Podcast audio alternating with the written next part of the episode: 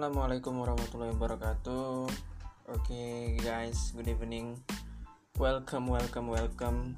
Sekali lagi gue ucapin buat lo yang udah ngeluangin waktu buat dengerin podcast gue.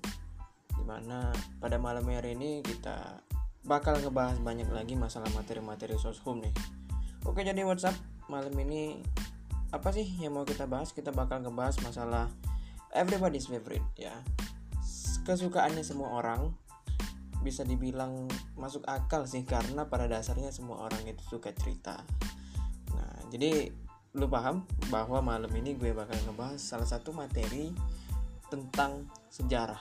Nah, jadi terlepas dari lu anak IPA atau lu anak IPS, terlepas dari lu kuliahnya nanti bakal di saintek atau di soshum, sejarah pasti lu temuin ya. Karena ini salah satu masuk pelajaran wajib namun diujikan dalam ujian soshum salah satu materi sejarah yang menurut gue paling bosen ya paling ngebosenin di kelas adalah sejarah tentang kehidupan purba. Gue nggak tahu kenapa kalau banyak orang yang mungkin sama seperti gue yang nggak terlalu seneng masalah membahas kehidupan kehidupan purba ya. Tapi mungkin alasannya adalah karena ya memang kita nggak mengenal seorang pun dari kehidupan purba. Maksudnya gue nggak pernah tahu tuh siapa nama Homo sapiens yang ditemuin di gua Sangiran misalnya atau gimana lah. Tapi di sisi lain ketika kita ngebahas bercerita masalah revolusi Prancis kita kenal tokoh yang namanya Napoleon Bonaparte. Atau mungkin di Cina kita ada Mao Zedong ada Dr. Sun Yat-sen dan juga cerita-cerita lain di dunia pasti memiliki tokoh. Dan kalau menurut gue sih itu adalah mengapa alasan kita sering ngelupain pelajaran tentang manusia purba. Padahal banyak sekali materi yang bisa diambil pelajarannya dari materi manusia purba itu sendiri. Oke, sebelum itu gue bakal ngebahas masalah prasejarah nih. Karena manusia purba kalau di topiknya sendiri itu disebut dengan masa prasejarah. Dan tolong lu buat konteks kalau di sini kita ada limitasi tempat bahwa sejarah tentang manusia purba yang kita bahas itu adalah sejarah manusia purba di Indonesia. Walaupun nantinya secara zamannya kita akan ngebahas secara umum di global, namun beberapa fosil yang ditemuin itu adalah fosil-fosil yang hanya ditemukan di Indonesia. Kita jarang sekali ngebahas tentang apa yang ditemukan di negara lain. Jadi karena itu tadi, karena kata gue ini prasejarah, prasejarah adalah di Indonesia. Maksudnya apa prasejarah? Pasti lu pernah tahu bapak sejarah dunia, ya bapak sejarah dunia itu namanya Herodotus. Herodotus itu adalah bapak sejarah mengapa? Karena dia dianggap sebagai jurnalis pertama, reporter pertama. Karena ia adalah orang yang menulis tentang salah satu peristiwa perang di masa Yunani kuno waktu itu. Masa uh, gue kurang paham, gue kurang detail itu Romawi atau Yunani kuno gue lupa sudah tetapi yaitu intinya adalah dia adalah seorang jurnalis pertama dunia dan dia yang pertama kali ngedokumentasiin suatu peristiwa. Itulah mengapa Herodotus dibilang bapak sejarah. Nah jadi dari situ kita bisa ambil kesimpulan bahwa sejarah itu adalah kaitannya dengan mencatat dan mendokumentasikan apa yang terjadi baik dalam lingkupnya secara ruang maupun dalam ruang lingkup waktu. Nah jadi maksud prasejarah prasejarah kerap dikaitkan dengan kayak uh, istilah lain yang namanya praaksara. Praaksara mudah kalau kita ngertiinnya. Praaksara itu adalah sebelum manusia mengenal tulisan. Nah, tapi gue ngertiin prasejarah sebagai masa di mana manusia belum mendokumentasikan apa yang mereka buat pada waktu itu. Nah, jadi untuk periodisasi atau pembukuan waktu di materi prasejarah di Indonesia ini dibagi jadi dua guys. Yang pertama ada berdasarkan geologi dan yang kedua adalah berdasarkan arkeologi. Untuk di geologi kata kuncinya adalah zaikum dan di arkeologi kata kuncinya adalah litikum. Zaman-zaman apa saja dan waktunya kapan aja sih zaikum dan litikum tersebut. Nah, itu yang bakal kita bahas sama-sama di podcast hari ini. Oke. Jadi gue mau pertama kali itu ke geologi dulu. Kita bahas pembukuan prasejarah Indonesia itu berdasarkan geologi ya. Oke, jadi yang pertama, yang pertama, ini cerita banget ya karena sejarah. Oke, yang pertama ada itu namanya masa arkaikum. Masa arkaikum ini guys, dia berlangsungnya 2.500 oh sorry 2.500 juta tahun yang lalu sampai 340 juta tahun yang lalu. Nah, itu adalah masa arkaikum. Nah, masa arkaikum ini merupakan masa awal banget karena ingat kita pertama ngebelahnya dari sisi geologi dulu. Geologi berarti kita mendokumentasikan dari kondisi bumi ya. Nah, jadi arkaikum ini adalah kondisi awal banget di mana bumi itu masih belum stabil, masih banyak gunung berapi, masih banyak eh, hujan-hujan uh, yang deras ya. Ini adalah bumi yang paling awal ya. Bumi yang paling awal 2500 juta tahun yang lalu sampai 340 juta tahun yang lalu. Udaranya masih berbahaya dan bisa dibilang belum ada kehidupan yang layak lah di sini. Baru ada seperti batuan-batuan dan lain-lain yang secara teknis bukan kehidupan menurut gue ya. Nah jadi arkaikum adalah masa bumi yang paling awal. Nah baru kita masuk ke paleozoikum di masa paleozoikum ini berlangsungnya dari 340 sampai 140 juta tahun yang lalu. Nah barulah di masa paleozoikum ini mulai terbentuk kehidupan-kehidupan yang layak. Mulai ada organisme-organisme atau makhluk hidup yang bersel banyak atau disebut juga multiseluler sudah ter, ada terbentuk adanya air, uh, hidrosfer, atmosfer, oksigen, nitrogen, karbon dioksida semuanya sudah mulai siap. Istilahnya bumi itu guys sudah mulai siap untuk membentuk kehidupan baru di masa Paleozoikum yaitu 340 sampai 140 juta tahun yang lalu. Nah, di masa selanjutnya kita kenal dengan masa Mesozoikum. Masa Mesozoikum ini itu berlangsung dari 140 hingga 60 juta tahun yang lalu, guys. Apa sih bedanya masa Meso Mesozoikum? Sorry ya. Apa sih bedanya masa Mesozoikum dengan Paleozoikum? Nah, di masa Mesozoikum ini reptil-reptil berkembang. Reptil-reptil berkembang, mereka makan banyak jadi mereka juga badannya semakin besar ada mamalia dan salah satu reptil yang gue bilang tadi itu adalah dinosaurus. Jadi dinosaurus itu hidup 140 juta tahun yang lalu sampai 60 juta tahun yang lalu guys. Yaitu Mesozoikum. Jadi kita sudah bahas tiga jauh ini Arkaikum ya. Arkaikum itu bumi yang paling awal. Paleozoikum, Paleozoikum itu kehidupan yang paling awal. Mesozoikum itu dinosaurus. Nah, barulah kita di zaman terakhir, di zaman geologi, di masa prasejarah ya setelah ada Paleozoikum, barulah dikelompokkan dengan yang namanya Neozoikum. Nah, Neozoikum ini artinya baru, sering juga disebut dengan Kainozoikum yang terjadi 60 juta tahun yang lalu, guys. Nah, jadi ada apa aja di Neozoikum ini? Nah, Neozoikum sendiri dibagi oleh para ahli geologi menjadi dua. Yang pertama yaitu zaman tersier, yang kedua ada zaman kuarter. Nah, Neozoikum ini dimulai ketika dinosaurus mulai punah, guys. Nah, jadi dikala reptil reptil raksasa, maksudnya itu dinosaurus, itu mulai punah. Nah, itu sudah masuk zaman tersier. Zaman tersier itu masuk ketika reptil-reptil raksasa salah, salah satunya dinosaurus itu punah.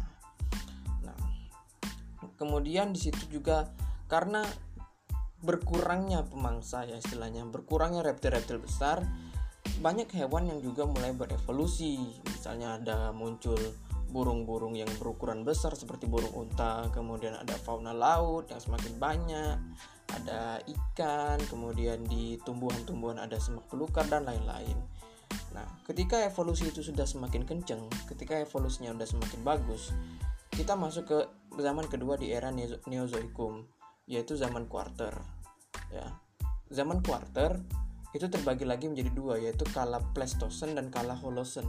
Pleistosen dimulai sekitar 600.000 tahun yang lalu di mana di sini adalah waktu syutingnya Sid dan kawan-kawan. Ya, bener kita ngomongin Ice Age.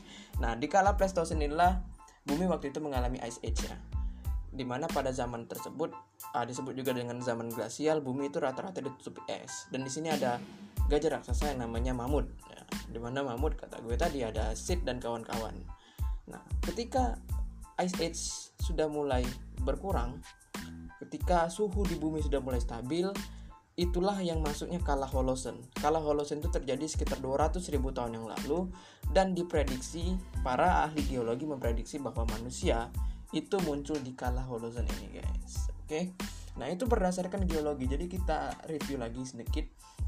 Jadi zaman prasejarah apabila dibukukan dari era geologi guys itu dimulai yang pertama namanya masa arkaikum kemudian Paleozoikum, kemudian Mesozoikum, lalu Neozoikum. Nah, Neozoikum sendiri karena ini zaman yang paling baru, berarti bukti-buktinya juga banyak. Nah, berarti ilmuwan dan para ahli geologi membagi lagi zaman Neozoikum ini menjadi zaman tersier dan quarter.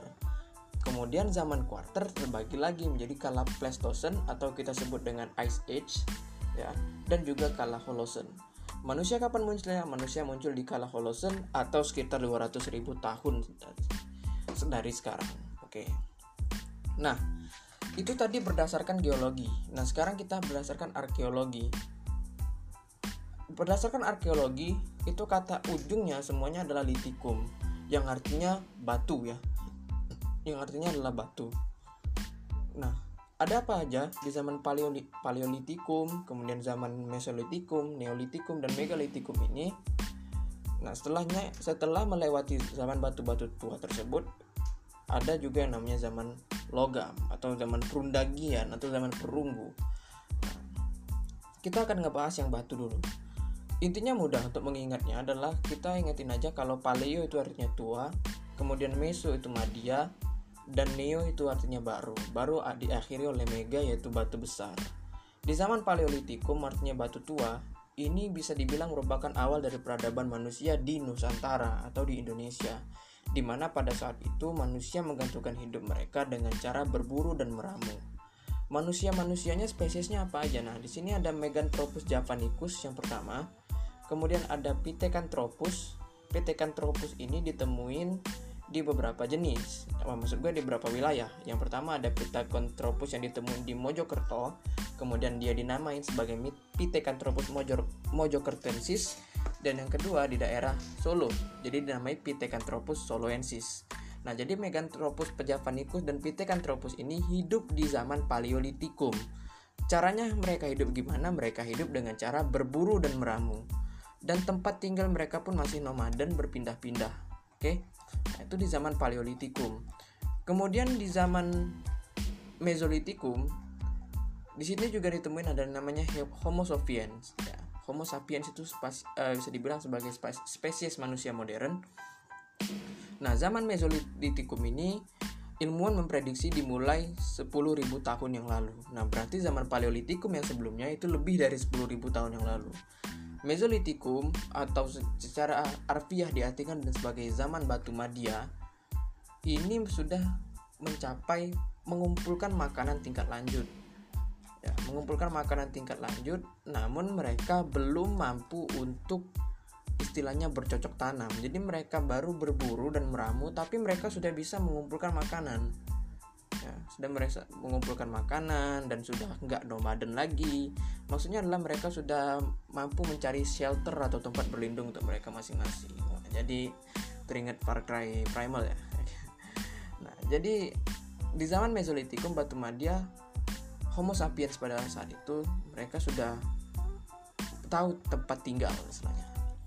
Nah, kemudian dari zaman Mesolitikum dengan seluruh kemajuan yang dibawa, kita masuk ke zaman Neolitikum, di mana Neolitikum dimulai 1500 tahun sebelum Masehi. Ya, 1500 tahun sebelum Masehi.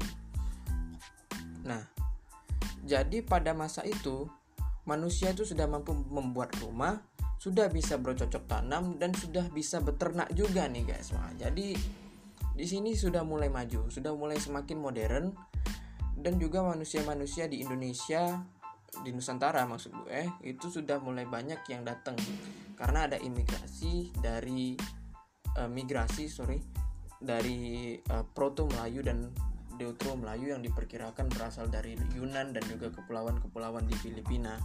Mereka membawa banyak hal seperti kapak lonjong, kapak persegi, dan lain-lain.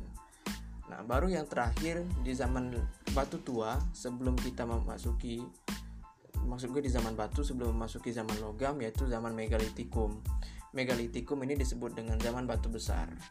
Nah, zaman batu besar apa bedanya dengan zaman neolitikum yang sudah kayaknya maju?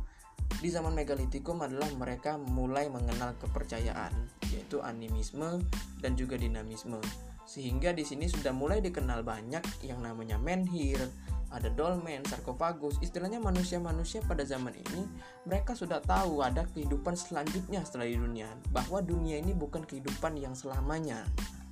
Istilah mereka mulai mempercayai roh nenek moyang, ada animisme dan juga ada dinamisme. Oke, jadi sebelum masuk ke zaman perunggu, kita review dikit di zaman batu.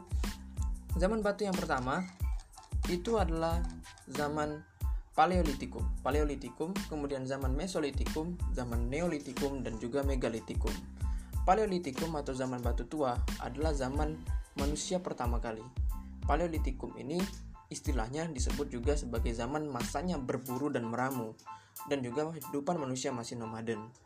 Kemudian masuk ke zaman Mesolitikum, manusia yang awalnya nomaden tadi, mereka sudah mampu membuat tempat-tempat tinggal sederhana dari gua ya jadi mereka bertempat tinggal di gua kemudian pengumpulan makanannya juga sudah semakin tingkat lanjut lalu ada zaman neolitikum atau zaman batu baru di mana di zaman neolitikum ini manusia-manusia sudah bisa bercocok tanam dan juga berternak dan juga membuat rumah.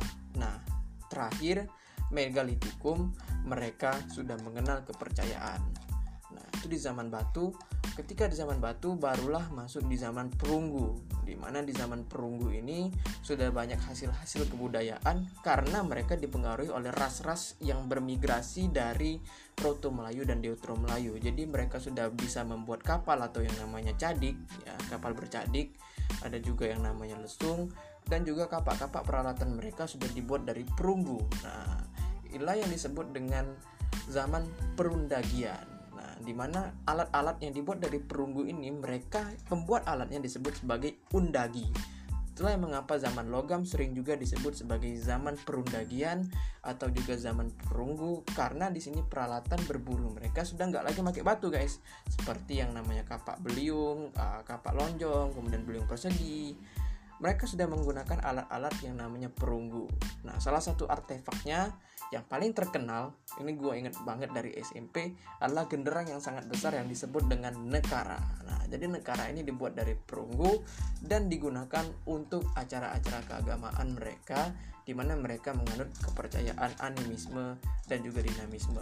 Oke jadi itulah yang mengakhiri zaman prasejarah ya ada kita tadi sudah review banyak berdasarkan geologi dan juga berdasarkan arkeologi Berdasarkan arkeologi, kita sudah mengenal yang namanya Paleolitikum, kemudian Mesolitikum, Neolitikum, dan juga Megalitikum ya. Lalu di zaman e, berdasarkan geologi kita ada namanya Arkaikum, Paleozoikum, Mesozoikum dan juga Neozoikum. Oke. Nah, terus apa yang terjadi setelah mereka ini setelah zaman logam? Nah, di situlah baru masuk kita ke era kerajaan Hindu Buddha yang bakal gue bahas di pertemuan sejarah kita berikutnya. Jadi karena gue sangat seneng banget dengan sejarah ini dan kita juga akan ngebahas banyak lagi masalah materi-materi sosum bersama gue dan gue ucapin terima kasih banyak atas segala perhatiannya. Uh, have a nice evening ya.